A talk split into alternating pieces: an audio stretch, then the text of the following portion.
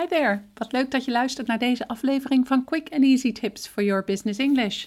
Vandaag heb ik voor jou professioneel omgaan met kritiek. Doe je zo. Mijn naam is Anneke de Rijver van Improve Your Business English en de auteur van het boek Master Your Business English: Communicate with Power in 7 Simple Steps. Ik help jou als ondernemer of doelgerichte professional van je middelbare school Engels af, zodat je ook internationaal met impact en vol zelfvertrouwen in het Engels kunt communiceren, maar bovenal volledig jezelf kunt zijn.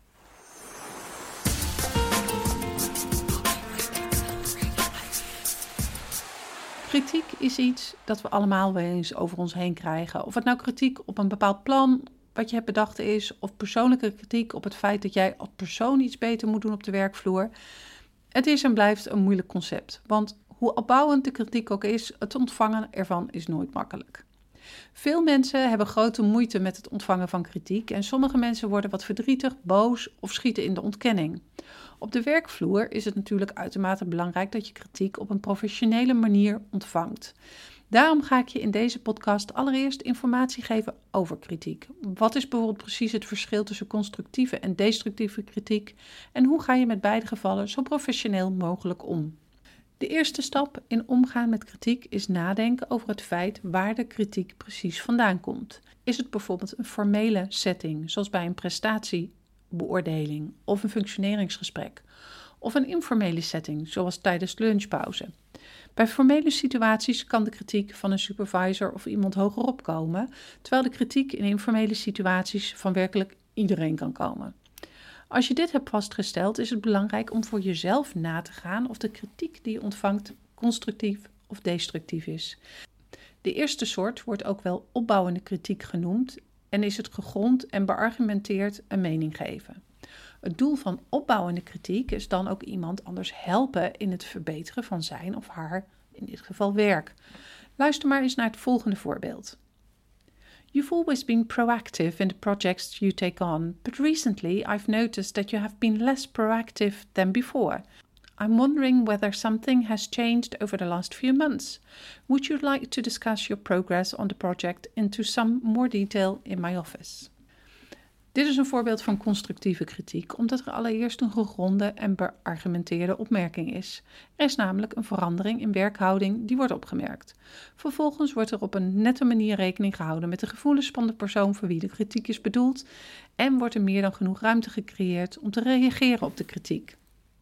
De tweede soort wordt ook wel negatieve of afbrekende kritiek genoemd en is het tegenovergestelde van constructieve kritiek. Deze is vaak ongegrond en slecht of niet beargumenteerd. Vaak is het doel van negatieve kritiek ook niet per se om iemand anders te helpen, maar juist om iemand te kwetsen. Luister maar eens naar het volgende voorbeeld. You're not working hard enough on your current project. I have no idea what you're doing all day, but this is rubbish. Make sure to work better from now on. Zoals je hebt gehoord, wordt er geen duidelijk argument gegeven voor deze kritiek en wordt er ook geen rekening gehouden met de gevoelens van de persoon voor wie de kritiek bedoeld is. Het is belangrijk om bij jezelf na te gaan of de kritiek die je ontvangt constructief of destructief is. Op de verschillende soorten kritiek reageer je namelijk ook anders. Constructieve kritiek is onderdeel van het werkleven. Het helpt je om je werk te verbeteren en is vooral ondersteunend ben je je bewust van als je constructieve kritiek ontvangt. De kans is namelijk super aannemelijk dat degene die je kritiek geeft je alleen maar wil helpen. Ondanks dat het misschien moeilijk is, kun je deze kritiek het beste zien als een kans. Probeer vanuit die gedachte ook op kritiek te reageren. Zeg bijvoorbeeld: Thank you for your comment. Would you like to come into my office to discuss the matter into some more detail? I could really use your feedback to improve this. Destructieve kritiek is hopelijk in mindere mate onderdeel van het werkleven, maar er is niet altijd aan te ontkomen. Het belangrijkste om te onthouden wanneer je destructieve kritiek ontvangt, is om zelf de bigger person te blijven. Word bijvoorbeeld niet boos en verander niets of weinig in je houding of aanpak. Een goede manier om te reageren op negatieve kritiek is bijvoorbeeld door een vraag te stellen. Could you give me an example of why you think my progress is rubbish? What do you think I need to do better? Op die manier laat je impliciet merken dat je constructieve kritiek serieus neemt en de kritiekgever uitdraagt om zijn of haar destructieve kritiek om te zetten tot iets positiefs.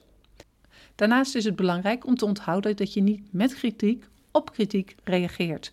Of je nou constructieve of destructieve kritiek ontvangt, het is niet de bedoeling dat je reageert met een verbeterpunt voor een ander. Probeer je dus niet te reageren met: Oh yeah, well, your presentation was very bad as well. Realiseer je dus dat de manier waarop je reageert het allerbelangrijkste is. Probeer emotionele respons te voorkomen en onthoud dat je woordkeuze belangrijker is dan de toon waarop je iets zegt. Daarnaast is het oké om een momentje te nemen om de kritiek te verwerken. Zeg dan bijvoorbeeld: Could you give me a moment to think about your comment before I get back to you?